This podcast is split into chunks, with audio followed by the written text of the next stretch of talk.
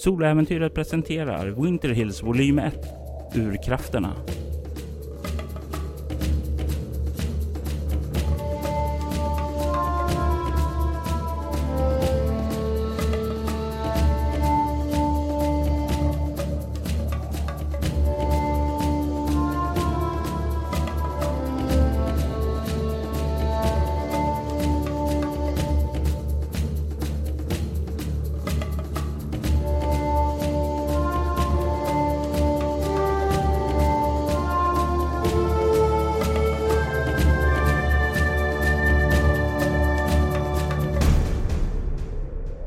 Säsong 2 avsnitt 2 Flashback andra delen.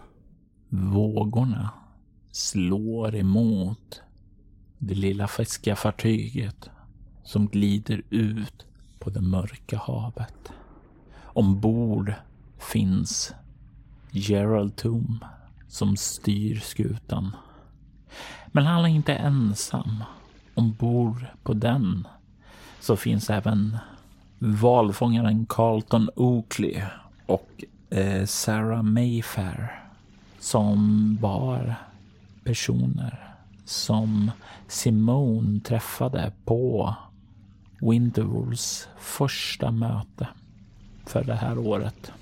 Simone, du är ombord den här fiskefartyget som är på väg att åka ut på det guppande havet för att närma sig den oljeplattformen. Inte allt för nära.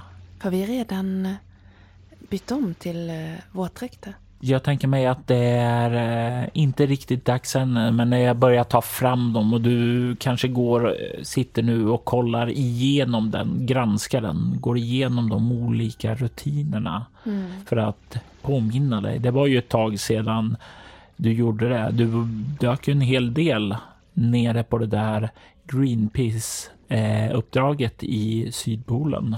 Men även eh, under mina studier i marinbiologi. Mm. Men inte riktigt i så kalla vatten som här. Men nere vid Sydpolen var det definitivt eh, i de här kylan. Och det finns det speciella rutiner, ja. Hur är Simons sinnelag just nu? Jag är lite eh, sprillig. Det, det, det känns väldigt skönt det är liksom kallt och man blir nypen i kinderna men den här fukten i ansiktet från havet och salt, doften i lungorna. Det känns skönt. Jag känner mig hemma. Havet omkring dig. Andra skulle säga att det är hemskt, det är mörkt, det är kallt, det är skrämmande. Men när du hör vågorna slå emot skeppet så känns det lugnt, tryggt. Det är som om, aha, nästan en vacker sång som du hör. Rytmisk dunkande. Jag vill att du slår ett eh, ego mekanik när du går och kontrollerar dykutrustningen. Du kan även få slå ego plus överlevnad istället. I det här fallet väljer jag att slå ego överlev överlevnad. Ett lätt slag. Ego 4, tärningen 4 och överlevnad 4. Så 12. Mm. Du kan se att den här har inte använts på ett par år. Eh, men uh, ingen fel på den. Den är väl omhändertagen och personen som hade det innan dig, ja, den visste hur man skulle ta hand om det. Mm. Det är bra kvalitet och du känner dig ändå rätt säker på att använda den här. Eftersom du har gått igenom den här nu och sådant och känner dig trygg i den så kommer du få plus ett på dykningsslaget sedan. Mm. Du kan se hur Sarah tar över ratten och hur Gerald kliver bort och plockar ned sin dykningsutrustning. Och han kollar upp mot dig och ler och säger Var det länge sedan du dök? I så här kalla vatten var det några år sedan men, men jag dök ju senast för några månader sedan. Utmärkt. Eh, ja, jag hoppades det. Eh, du kan se hur Carlton har stått i fören på fiskefartyget och liksom spanat med en kikare och han vänder sig om och verkar signalera någonting åt Sarah Du kan se hur hon börjar slå av på takten. Mm. Du kan se hur Gerald säger mm, vi, vi är snart framme här. Eh, vi börjar ta på oss utrustningen. Okej. Okay. Vi simmar, dyker ned sedan här och sen så börjar vi simma fram den sista biten. Det är en bit, men vi vill inte att de upptäcker oss. Eh, mm. Vi hade vissa incidenter tidigare där när vi kom för nära. Hade de egna dykare? Inte så mycket dykare som eh, skyttar. Okej. Inte så att de sköt direkt på oss, men man vet aldrig med tokstollarna där uppe. De sköt varningsskott och vi vill inte pressa dem. Bättre att göra det tyst och diskret. Det håller jag med om. Jag börjar klä på mig. Och du har inga problem att ta på dig den här dykardräkten. Det tar ju lite tid och det är ju lite ansträngning som krävs, men det är, inget, det är ju rutin för dig. Dra på dem. Och det är inte så att ni har någon komradio eller sådant tala där, utan det är ju dykarnas teckenspråk man får förlita sig på. Du får på dig, känner den tunga vikten av syrgastuben där. Den, den som alltid känns så här tung och obekväm här uppe, men som inte alls blir lika obehaglig när man väl kommer ner i vattnet. Och vi kommer ha pannlampor tänker jag, men att de kommer vi vilja dölja lite grann periodvis. Ja, precis. Och ni har ju snackat lite om det där, hur det går tillväga och även etablera några enklare signaler som stopp, följ med mig däråt. Den typen av enklare. Det finns ju inte möjlighet att tala långt och eh, långa meddelanden, utan det är de här enkla meddelanden man kan göra. Mm. Det blir dags att dyka ned i vattnet och jag vill att ni slår ett kropp plus rörlighet eller överlevnad för att dyka. Du har ju en förmåga en förmåga som du hade utvecklat efter ditt efter att du kom tillbaka ifrån Sydpolen. Du kände dig som en fisk i vattnet då. Mm. Vilket innebär att du får plus två på alla slag att dyka och simma. Då har jag ett plus tre sammanlagt från det tidigare. Jajamensan. 18. Du lutar dig bakåt över relingen och faller med plums ned i havet. Och du känner dig fri. Så skönt att vara nere i vattnet igen. Du kan se ovanför dig ett plums till då Gerald också åker ned. Han verkar van, precis som du. Och du kan se hur han ganska snabbt finner sin bäring där. Trots att han är en sån här mer senig, väderbiten man som kanske inte har så mycket muskler och sådant, så verkar han veta hur han ska använda dem han har och ganska snabbt tar och börjar simma. Jag ägnar någon minut eller två här att, att försöka memorera känslomässigt vad jag är. Vad båten är för att hitta den igen. Du försöker centrera dig, memorera det, känna av det. Du kan ha plus en modifikation för att hitta tillbaka till båten senare om du skulle vilja det. Om du skulle komma vilse. Du ser pannlampan ifrån Gerald röra sig bortåt mot oljeplattformen. Jag sätter fart. Och du har inga problem att hålla tempot du får en känsla av att Gerald kanske inte är den snabbaste simmaren utan mer en uthållig simmare. Du skulle nog kunna simma ifrån honom om det skulle krävas. Ni simmar allt närmare. Det är mörkt. Andra skulle beskriva det som en mardröm. Men det är för dig är det rogivande. Alla distraktioner är borta. Det känns annorlunda dock. Det känns Ja, du har alltid tyckt om vattnet. Men det här känns bättre än tidigare. Du känner ett lugn. Och medan ni simmar fram där så kan du dock höra ett ljud. Ett vagt ljud som kommer nedifrån. Nedifrån djupet.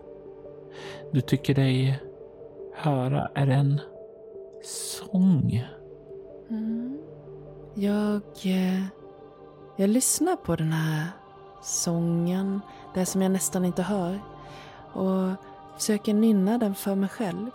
Och du glider in i den så vant. Den är förförisk.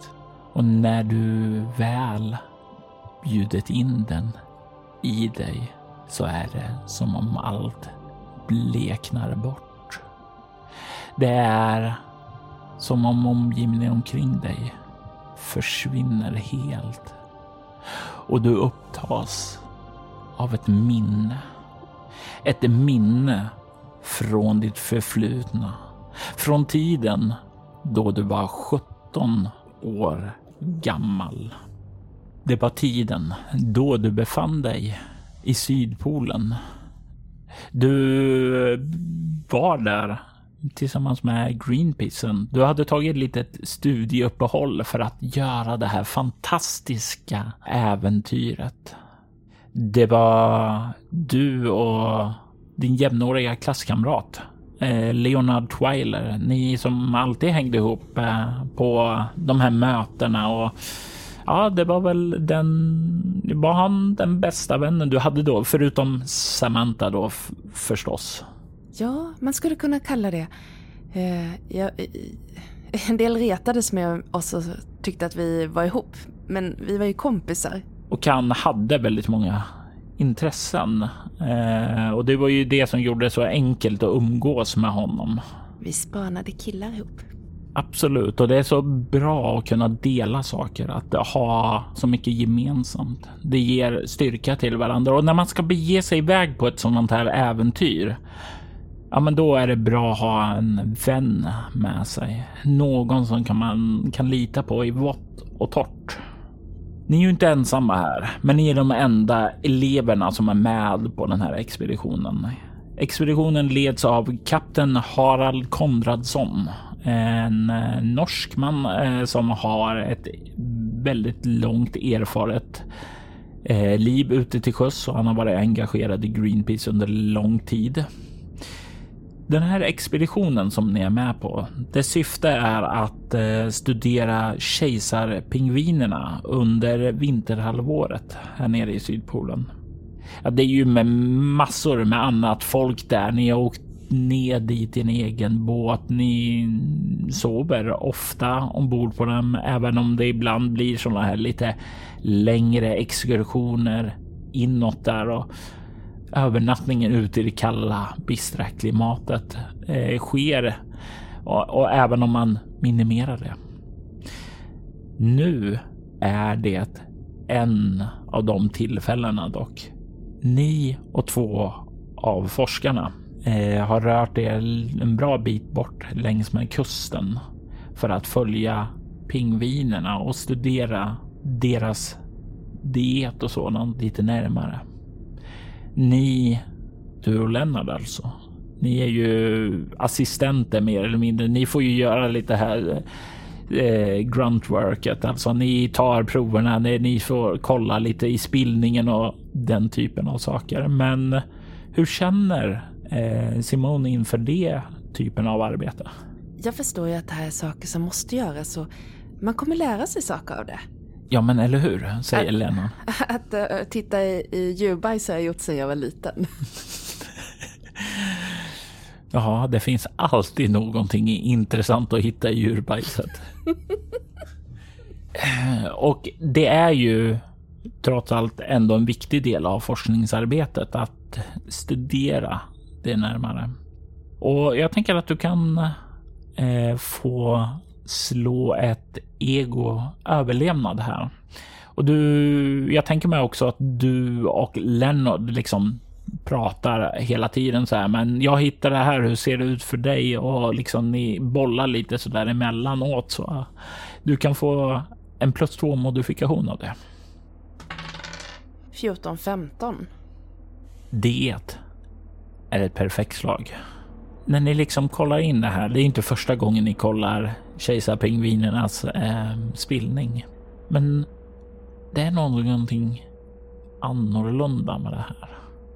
Du kan se att den bär spår av någonting, hur ska man säga, någon typ av sjögräs.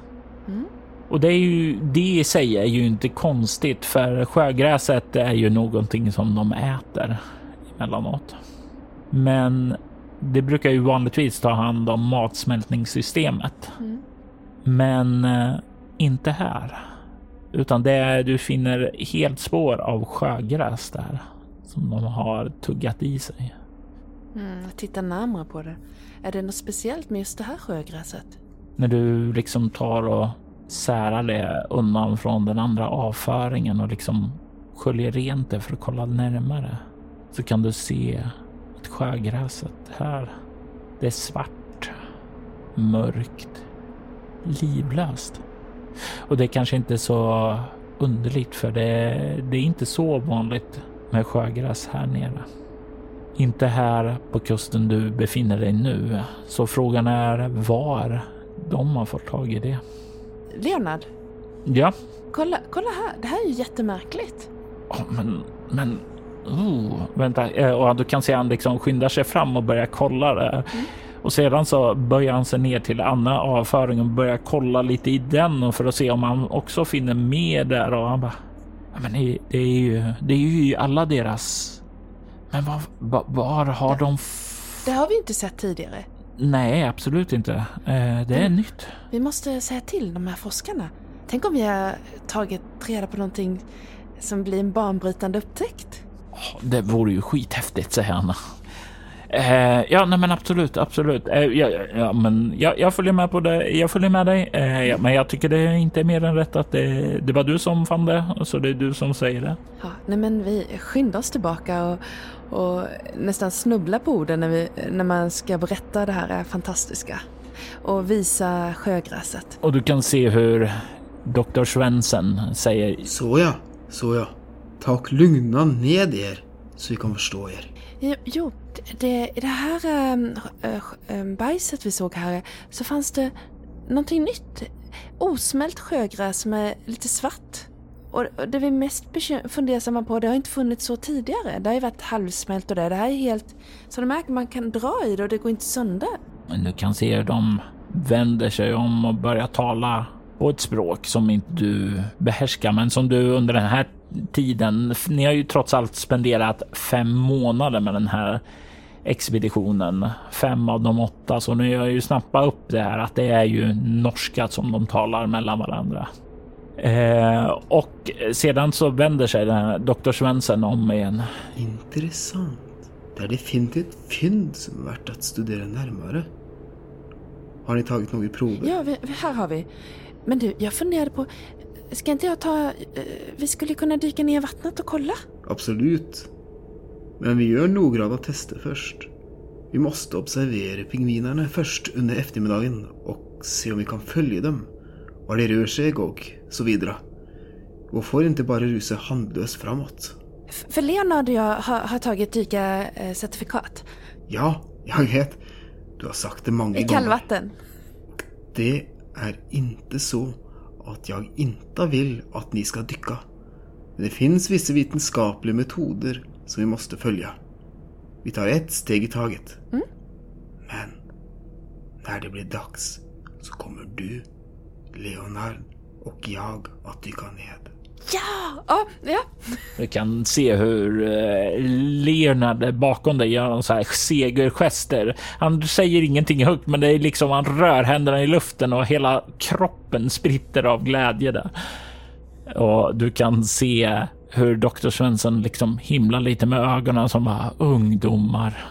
Men innan vi gör det så vill jag att ni observerar pingvinerna mm. som släpper den här spillningen och noterar deras rörelsemönster och habitat. Absolut. Jag ska dokumentera det så bra med bra skrivstil. Jag också hör det bakom eh, dig från Lennart och du kan se Dr. Center. Utmärkt. Jag skickar Maria tillbaka till båten och ser till att hon återvänder med dykningsutrustningen imorgon. Vi skyndar oss iväg för att uh, göra dessa efterfrågade studier på pingvinerna. Observera deras beteende och var, var de beger sig ner i vattnet. Mm, jag tänker mig att eh, ni har inga problem att hitta pingvinerna här. De rör sig ju fram här. Det är ju deras eh, habitater. Det är här de lever, så det finns ju väldigt mycket kejsarpingviner här att observera. Det verkar nästan som om de har en liten koloni här. Men jag tänker att du kan få slå ett svårt slag med egoöverlevnad. överlevnad och du får plus två, för det här är ju under resten av eftermiddagen ni spenderar och observerar allt det här och tar noteringar. Och sen så får du plus ett också till från Lennart som hjälper till. Fast jag ju, har ju en specialisering marinbiologi. Då slår du två tärningar för det är definitivt applicerbart här. 17, 18, 19. Vi har fantastiska upptäckter. Ni kan ju se hur de här pingvinerna, de uppträder inte riktigt som vanliga kejsarpingviner. Är de sjuka? Sjuka är väl inte riktigt rätt ord. Vanligtvis så kan man ju se hur kejsarpingviner och så kommunicerar med varandra, att de har sätt att eh, interagera. Men de här verkar inte göra det. De verkar inte interagera alls. Men på något sätt så verkar de ändå synkroniserade. Det är som om du kan vid ett tillfälle se en pingvin som liksom är på väg ned till havet och du ser hur en annan är på väg från sidan av havet och det ser ut som de ska krocka men i sista sekunden så viker den ena pingvinen undan utan att liksom göra någon typ av gest eller eller eh, uppmärksamma den andra, utan det är som om de bara vet instinktivt var, var de andra är. Det, det är som det är nästan en stor myrstack eller? Ja, det skulle vara en väldigt, väldigt bra liknelse och det här är definitivt inte ett vanligt beteende hos eh, kejsarpingviner. Ja, jag och Leonard pratar om det och, och antecknar flitigt och, och beskriver fenomenet. Vad, vad tror du kan bero på? Jag tror det är någon form av eh, gemensamt, eh, ett kollektivt medvetande kanske? Som startat med att de ätit de här svarta algerna? Jag, jag, jag, vet inte, jag kollar lite här i våra böcker här som vi har med oss alltså om de här svarta algerna, men de dyker inte upp någonstans här. Eh, det är någonting som kanske också är en, kanske också är någonting för upptäckten. Ja, men du, vi tar och, och provar att skära ett, ett ur alger. Kom. Du, du jag, vet du vad? En, jag har ännu bättre. Eh, jag såg färska alger lite längre bort här. Jaha. Vi kan kolla lite närmare ja. på dem. Växer de ner vid strandkanten eller? Ja, ja precis. Eller inte vid strandkanten, en bit ut i vattnet under. Det växer nere i vattnet. K kommer vi åt dem? Ja då, ja då. Vi hjälper varandra. eh, vill du att jag håller eller håller du? Jag kan nå dem ifall du håller. Du vet att jag har dig. Mm -hmm. Och ni tar er ned eh, där och kan se liksom en liksom den här stenstranden ni kommer ner till att, eh, att det går ut en liten udde där vattnet verkar bli djupare och där går det att luta sig ned från en sten och om bara någon håller kvar i byxlinningen ungefär så är det nog för att kunna böja sig ned och rycka upp det ifrån vattnet där under. Jag har väl några handskar på mig när jag rycker upp. Mm. Oh, jag fick en. Utmärkt. Lägg den här så. Ah. Och ni börjar ta upp där och kollar och du kan ju se att det, det är ju det här svarta sjögräset. Det ser nästan nu när du kollar på det här blålila ut. Mm. Det är inte svart. Det är uppenbarligen att någonting verkar hända i när de har ätit de här, det här sjögräset där. Men, men om man skär och skrapar på den lite grann, är färgen någonting som sitter fast i, i skinnet eller Eller är det typ eh, någonting som är eh, missfärgat eller något sånt? När du skär upp och kollar där så kan du se hur... Ja, närmare, det är inte missfärgat. Det verkar vara naturligt för det är samma sak där inne. Det är det här blålila sjögräset där. Vill du ha en smakbit, Leonard? Ja, han skrattar och sen så kan du se att han sträcker fram handen. Visst. Men tänk om det blir sådär. Du synkroniserar med pingvinerna, absolut. Ja, men tänk vilka upptäckter, säger han och skrattar. Det är jag och pingvinerna, säger jag. Simon skär bort två supertunna bitar och räcker fram en. Och han tar emot den och sen så på tre. Ja, ett, två, två tre. tre. Och den här smaken, den är behaglig. Det är nästan, det är lite söt. Söt och behaglig. Du känner hur det liksom kroppen börjar fyllas av värme. Du kan förslå ett chockartat skräckslag med utstrålning. Det här är inte för att du fylls av skräck utan hur väl du lyckas nu avgör hur mycket kontroll du förlorar över de effekter som sjögräset har. Tio. Har Simon någonsin tagit någon typ av droger? Ja, Droger. lite, lite Mariana har jag rökt.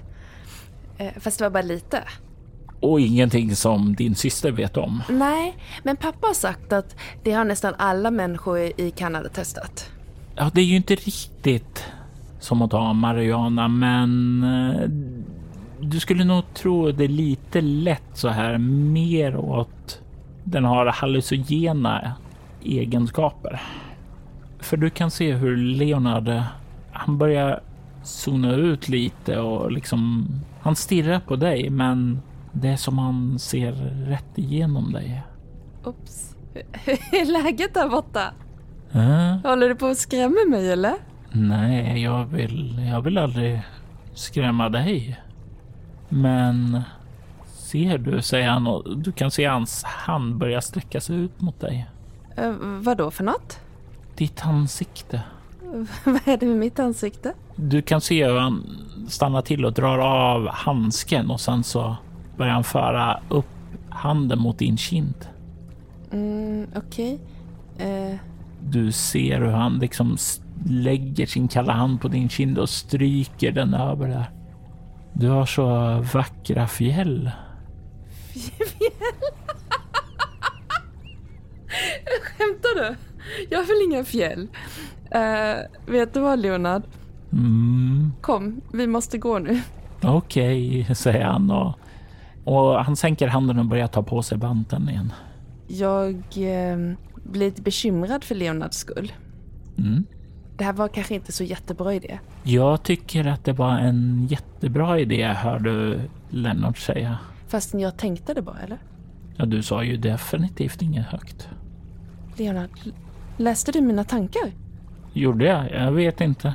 Men nu ska vi gå tillbaka till eh, eh, Dr. Svensson. Vad tänker du på just nu när du säger det? Vad är det du tänker på som du inte säger? Tänk om doktorn blir jättearg för att jag har matat Leonard med eh, den här hallucinogena drogen.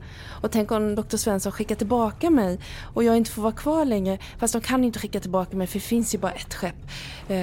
Men tänk om jag måste sitta kvar på skeppet och inte får följa med när de ska dyka imorgon. Och du känner plötsligt bakifrån dig hur Leonards händer sveper omkring dig och ger en kram. Oroa dig inte. Ja, jag, jag lovar. Jag, jag säger att det var jag. Det var inte du. Det var jag. Och som du sa, eh, det finns ju bara ett skepp. Kan Jag kan inte skicka iväg mig. Du vet, du, du betyder så himla mycket för mig. Det betyder så mycket för mig. Man måste vara rädd om sina vänner. Och du, du är min allra bästa vän. Det finns ingen bästaste vän än dig. Det rinner lite tårar för mina ögon nu, för nu, nu känns det inte så där bra längre inombords. Nej, det, det är ju definitivt inte vanligt att ha sin bästa vän läsa ens tankar. Dens mörkaste tankar som man alltid även om Simon kanske inte är en eh, person med många mörka tankar så är det ju en del tankar som man kanske inte vill dela med mm. sig av. Och ha någon, sin bästa vän och liksom höra allt som rör sig in där inne. Det är faktiskt skrämmande. Och just det är nog för att du ska förstå ett chockartat skräckslag med ego. Jag slog eh, åtta sammanlagt. Du får en skräcknivå. Du kan notera de här vid sidan om, för det är inte på dem du har uppe i Vinetka nu. De här kommer du ha fått tillbaka för länge sedan nämligen. Doktor Svensson? Ja? Är ni redan tillbaka? Doktor Svensson, jag gjorde lite...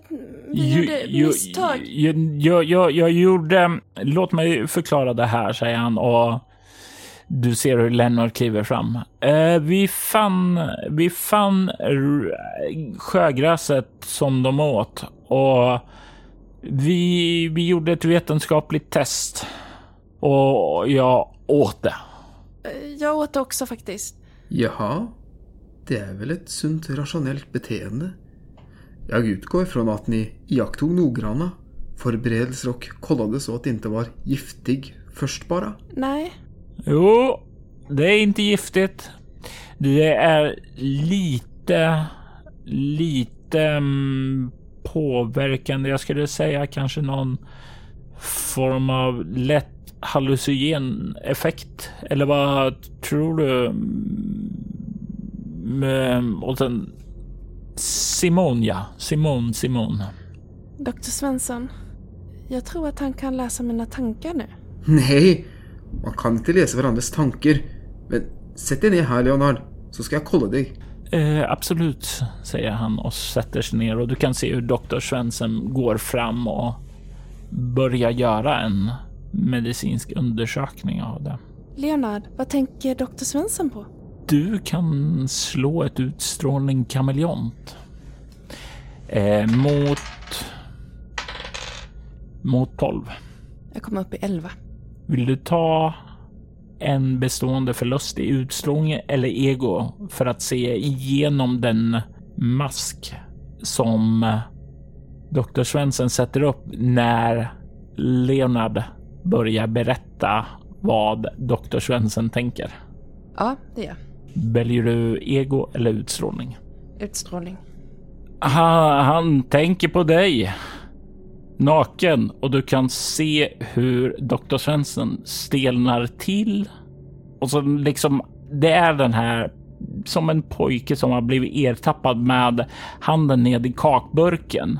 Han är nog för att liksom inte reagera fysiskt på det, men här han fryser till och blir ja, stelnar till den här lilla korta sekunden sedan han återgår och fortsätter arbeta. Det, det blir den här kalla ryggradskänslan, kalla kåren längs ryggraden att det var nog sant.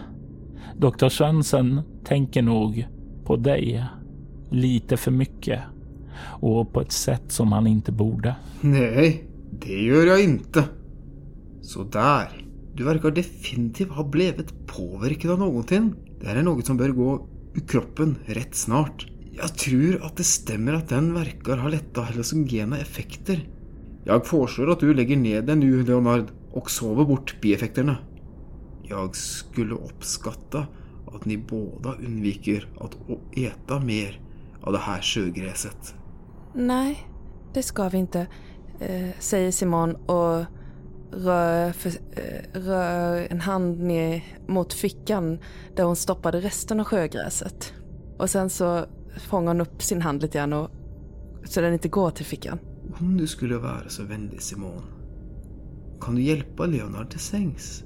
Ja, jag, jag har gått en sån här första förbandskurs. Jag är inte förvånad. Du är så duktig på att ta initiativ. Det kommer väl till pass framöver. Men se till att han får vila. Sen kan du komma och hjälpa mig här. Simon är fruktansvärt långsam med att komma tillbaka och hjälpa Dr. Svensson. Av förståeliga skäl. Dr. Svensson har ju tidigare varit en person som har bara varit väldigt sympatisk, trevlig. Han har ju visat dig stor uppmärksamhet och stöttat dig och han, det var ju han som tog med dig ut här. Eh, och det, det var ju definitivt inte något som någon annan forskare skulle vilja, göra, utan ni har ju mestadels fått spendera tiden vid fartyget. Men nu är ni ju ja, nästan ett dags resa därifrån, isolerade i vildmarken. Du, han och Leonard. För den andra eh, forskaren begav sig tillbaka för att hämta dykarutrustning. Mm. Hur känns det här när du kliver iväg för att natta Lennart? Jag, jag funderar på om jag borde ta en bit alg till så att jag, så jag kan också läsa tankar. Fast, fast jag vet ju inte hur länge det varar. Fast det skulle gå i kroppen snabbt. Fast, fast, eh, nej men. Det, det, ja, jag har lite svårt att bestämma mig hur jag ska göra. Men sen så, när Leonard har somnat så, så tar jag bit, fram en bit alg. En liten, liten bit. Och tuggar i mig. Ma, man måste vara förberedd. Det är orden som ekar i ditt eget sinne. I detta avsnitt hör du Maria Rutgård som Simone Changs och Kjetil Kvendocken som Dr. Svensson. Winter Hills är en berättelse skapad, spelad och producerad av Robert Jonsson till rollspelet Bortom som ges ut av Mylingspel. Denna säsong klipptes av Kvarnberg Productions, Robert Jonsson och Jörgen Niemi.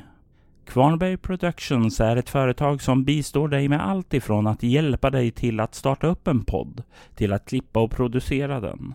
Du hittar dem på kvarnbergproductions.com och länkar till deras kanaler hittar du i avsnittets inlägg. Winterhills temamusik skapades av Andreas Lundström från rollspelspodden Sweden Rules.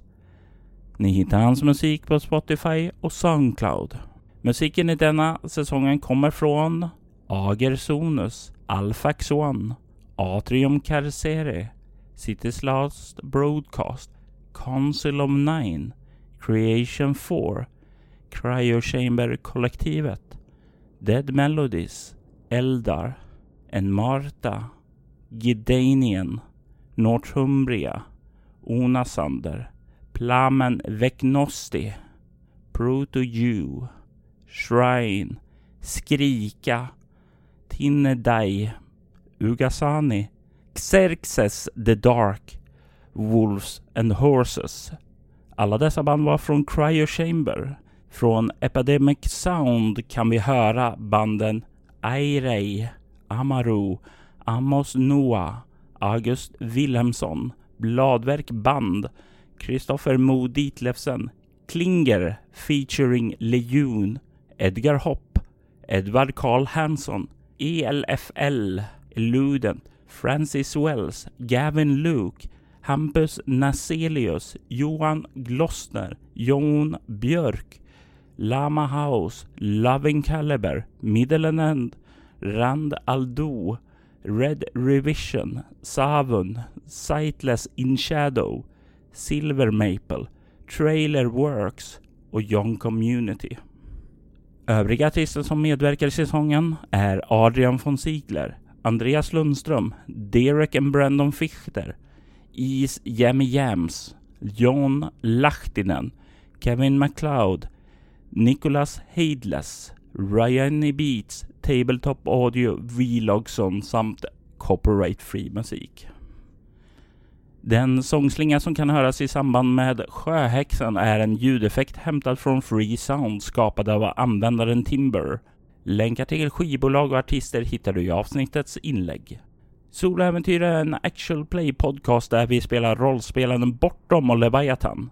Ni kan komma i kontakt med oss på Instagram och Twitter som @spelabortom, på Facebook samt på bortom.nu. Vill ni ha liknande poddar som denna kan ni spana in våra spin-off-poddar Altor Schwider och Valerie Chronicles. I den förstnämnda spelar vi det klassiska rollspelet Drakar och Demoner i världen Altor, medan vi i det andra spelar Vampire the Masquerade med inslag av de andra rollspelen i World of Darkness. Ni är välkomna att lämna recensioner om podden på både Facebook och era poddappar. Det uppskattas djupt av oss och kan leda till extra belöningar för er. Vill du stödja Roberts fortsatta kreativa skapande kan du göra det på patreon.com snedstreck Robert Jonsson. Det som backar får tillgång till material i form av extra poddar och statusuppdateringar. Mitt namn är Robert Jonsson. Tack för att du lyssnar. Vi vill ta tillfället i akt att tacka, hylla och hedra våra Patreon-backare Ty Nilsson, Daniel Pettersson, Daniel Lands och Morgan Kullberg. Ert stöd är djupt uppskattat.